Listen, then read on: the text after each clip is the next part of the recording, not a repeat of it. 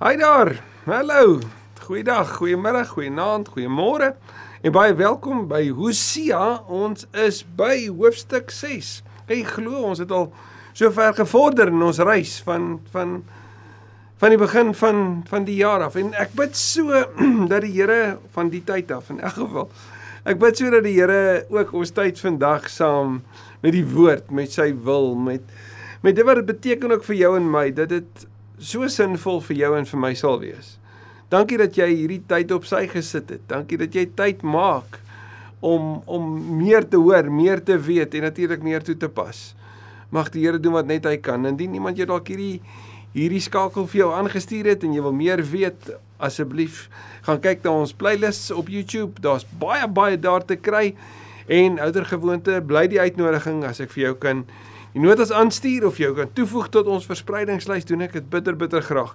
Dit bly vir ons by Kerkgenoem hier 'n ontsettende waarde om dit wat ons ontvang het te deel. Te sê Here, maar hoe dien ons die kerk? Hoe dien ons u kinders ehm um, reg oor die wêreld? Hoe inspireer ons mekaar? Hoe leer ons saam? Hoe beleef ons die Jesus lewe en hoe leer ons mekaar al hoe meer om dit te leef? Vir jou, vir my, vir vandag. Kom ons bid saam. Dankie Vader vir u woord, u heilige woord. Here ons ons is bewus daarvan dat dit ontsettende verantwoordelikheid vra van ons om regtig ons beste te doen soos Paulus ook vir Timoteus gesê het om te verstaan wat hier staan en om dit korrek ook oor te dra vir ons wêreld. Help ons daarom vandag om die boodskap soos wat dit toegeskryf is in in Hosea se tyd verkondig is om dit te begryp en juis daaruit lyne te kan trek na wat dit vandag vir ons sê. Dankie vir hierdie oomblik. Seën asseblief ons tyd saam met U Here, want dit gaan alles net oor U in Jesus se naam. Amen. Amen. Van hoofstuk 4 Hosea af sien ons die die beskrywing van hierdie minnaars waarmee Israel hulle self as dit ware verlustig het, nê? Nee? Soos wat dit met Hosea en Gomer was, is dit natuurlik 'n afbeelding van Israel en en hulle God, hulle Here, die Here wat homself kom beskryf het in hoofstuk 2 as hulle man. En en ons sien hoe Israel in in hoofstuk 4 en 5 beskryf word as as as iemand wat haar haar hulp gaan soek het by ander minnaars, by die ander volke, by hulp om te te kry by 'n stuk hout, het die Here gesê. Verlede week het ons gesien hoe die Here die die drie vlak leierskap van Israel aangespreek het. Hoe hoe die Here sê maar maar die priesters en die leiers van die volk en die koningshuis, hy gaan hulle almal aanspreeklik hou want soos die Engelse mos sê, a fish rots from the head. En dat vanuit die hoofskap, vanuit die leierskap, het die volk daaronder gelei. Dis juist die leierskap wat aanspreeklik gehou was die Here wat vir hulle sê, maar ek ken julle. Ek weet waarmee julle besig is, soos wat Hebreërs 4 vers 13 vir ons sê. Die Here weet in elk geval alles. Hy sien alles. Ons kan niks vir hom wegsteek nie. En so het hy dit ook vir hulle kom sê. Hy sê julle kom soek julle hulp op die verkeerde plek en daarom is daar nie genesing vir julle wonde nie. Daar's nie hoop vir julle nie, want julle soek hulp op verkeerde plekke en daarom gaan ek myself onttrek. En jy sou kon sê Omdat Israel hulle self onttrek het van die Here, beleef hulle hulle konteks en nou kom sê die Here, maar dis wat hy gaan doen.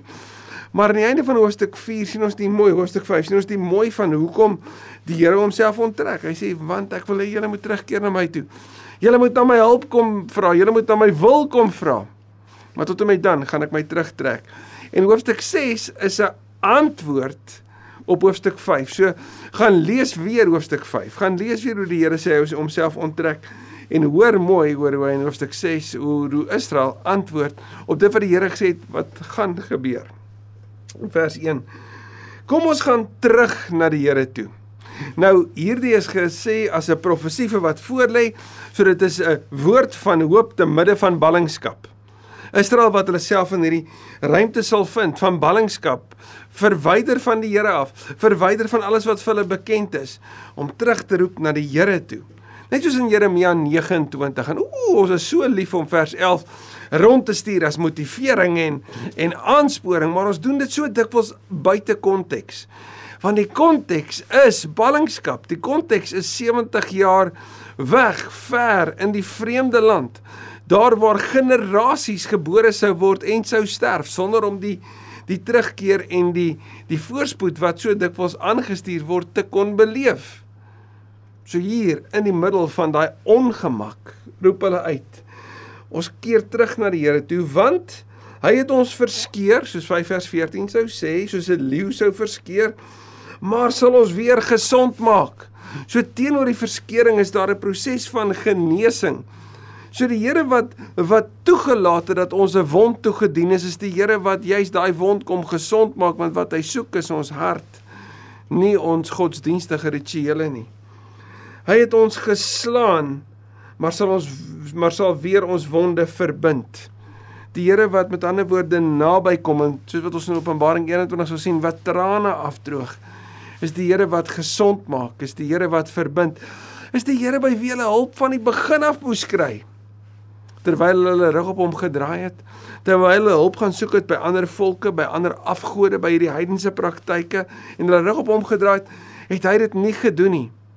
En toe hy homself van hulle onttrek en hulle die wonde van hulle dade beleef, waartoe sal hulle draai?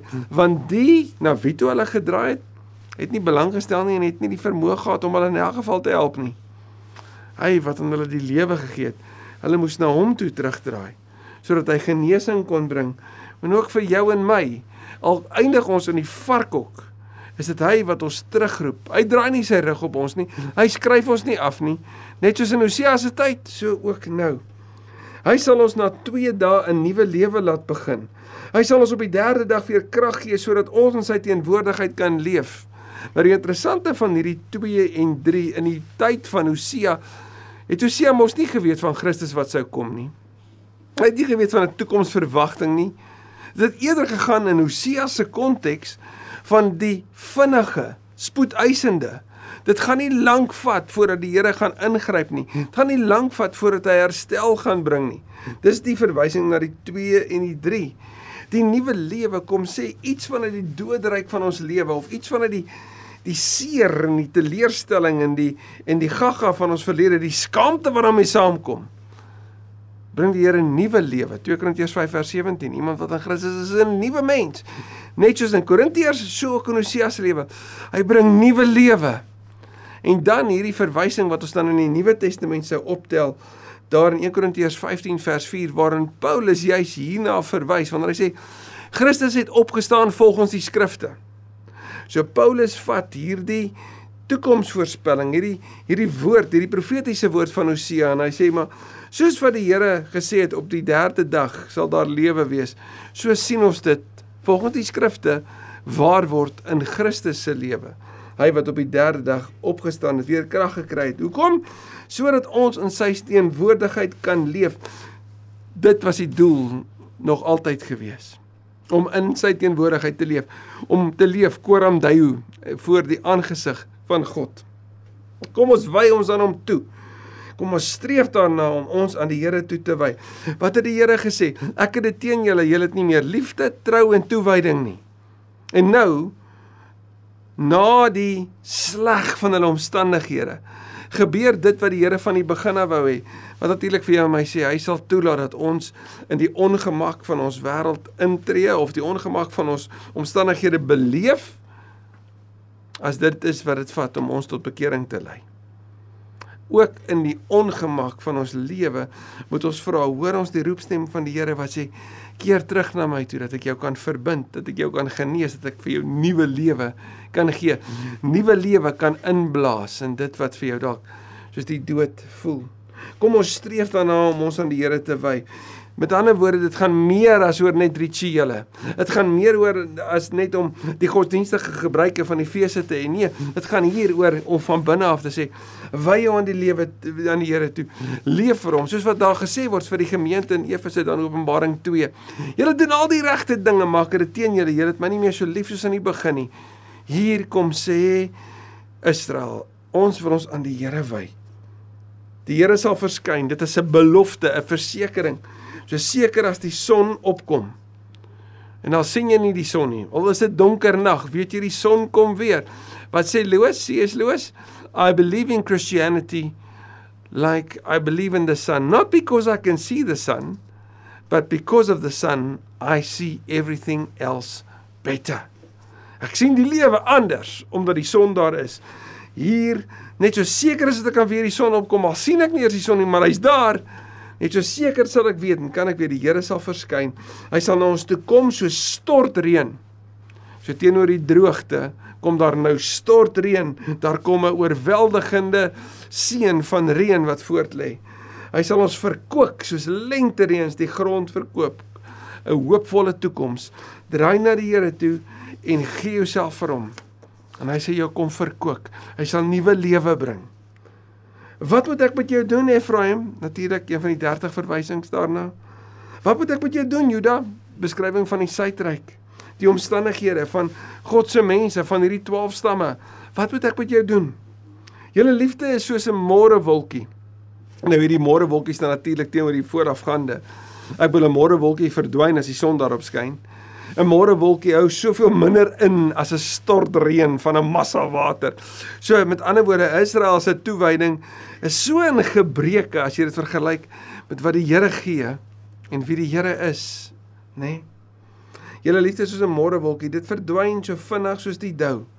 Gaan kyk maar na Amos 5 vers 21 tot 24 en selfs na Jakobus 2 vers 18 waarin die Here sê maar jou geloof moet in aksie sigbaar wees.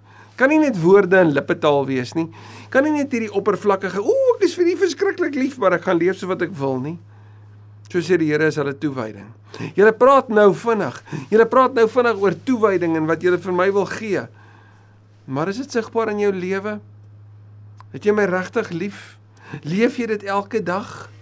Dis die vraag. Dit is waarom ek ehm um, julle met my profete gestrem het. Julle het my julle met my woorde vernietig het. So ek het harde woorde met julle gepraat sodat julle gevorm kan word. Dit was vir julle sleg geweest. Maar ek het nodig om hierdie louheid, hierdie môre wolkie geloof van julle om dit te vorm en soos Jakobus sou sê en Petrus verhaal sou sê om julle te louter en te vorm. My straf oor julle kom so seker soos die lig. Nie die son staan natuurlik teenoor die môre wolkie, teenoor dou en mis. So seker as wat jy kan wees, kom maar straf, maar natuurlik straf om julle te vorm, nê? Want ek verwag liefde eerder as offers, toewyding aan my eerder as brandoffers. Hierdie is een van die bekendste aanhalinge in die Bybel en ook 'n baie bekende aanhaling in die Nuwe Testament. En dit som so so goed op hierdie begeerte van God dat dit nie gaan oor dooie godsdiens nie, maar oor 'n hartsaak. So wat die Here vir jou en my sê, het jy my lief?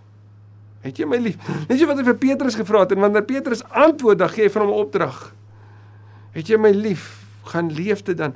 Het jy my lief, gaan dien ander. Het jy my lief, maak dan die lewe nie oor jou nie, maar oor my heerlikheid en oor die diens van ander, die omgee vir ander, die uitdra van die boodskap van hoof aan ander. Ek verwag toewyding eerder as brandoffers. Gaan kyk bietjie Matteus 9 vers 13 en 7 en 9.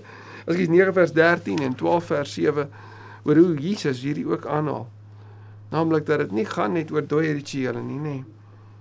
Julle het weer die verbond met my verbreek. Hoor net hierdie hartseer. Dis soos hierdie vrou wat naby was en ver was en naby was en weer ver gegaan het. Julle het dit weer verbreek. Soos destyds by die dorp Adam.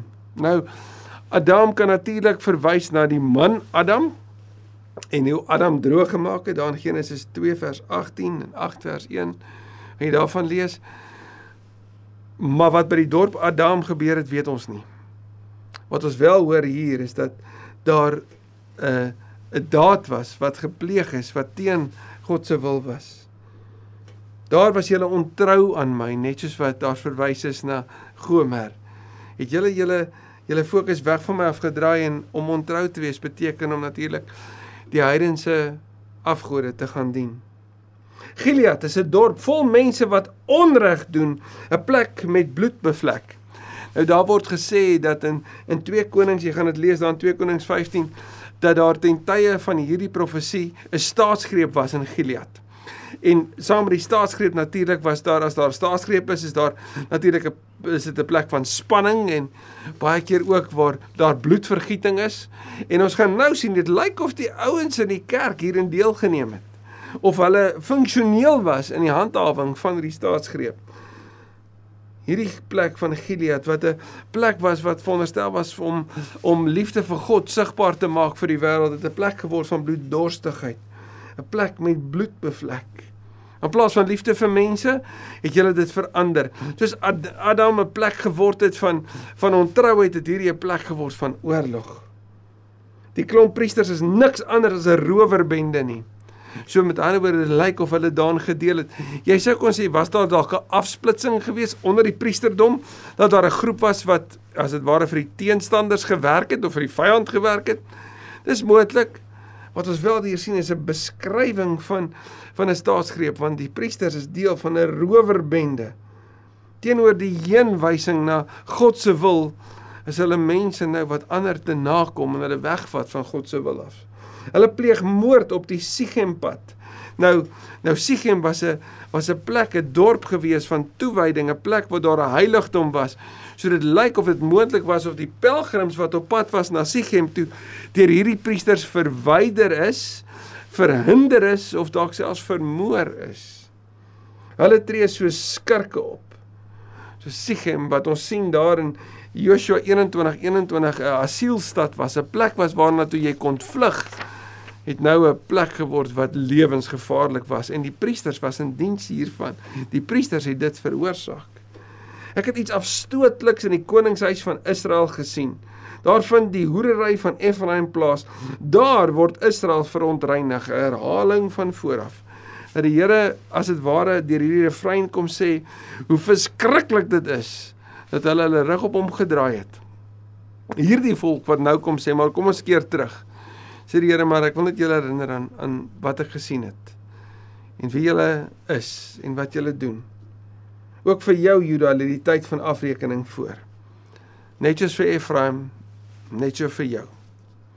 Wat kom sê dit vir jou en my? Kom ons vat dit in die lig van byvoorbeeld 'n 'n brief soos Jakobus wat baie sterk fokus op geloof en dade en hoe dit wat ons sê ons bely sigbaar moet wees.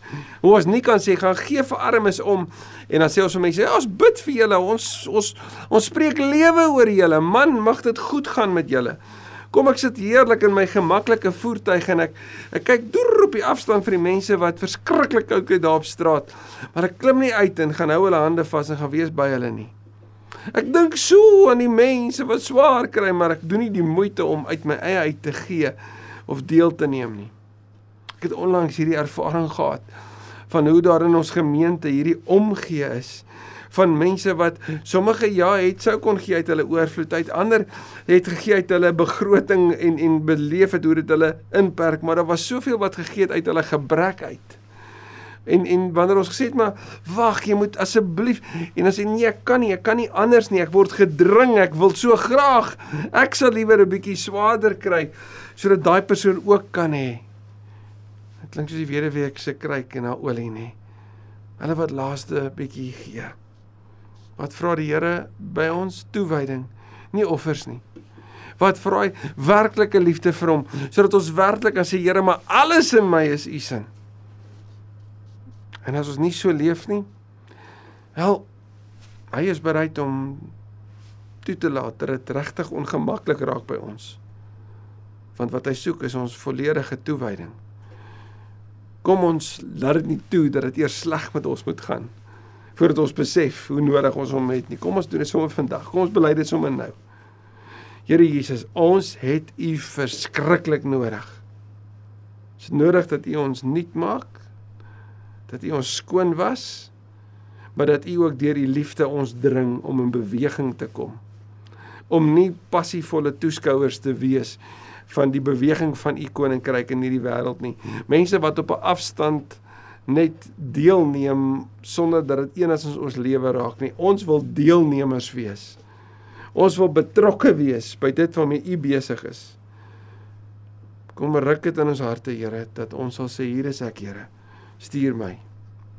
So jammer dat ons so dikwels ook maar soos Israel soos 'n môrewolkie beloof het. Ons self pligtig aan U gewy het. En dan maar weer teruggekeer het mag vandag hierdie dag die eerste dag van 'n nuwe begin wees. Kom doen dit asseblief, Here, tot U eer en juis omdat ons vir U lief is. In Jesus se naam. Amen. Amen. Ek hoop om jou volgende week weer hier te sien.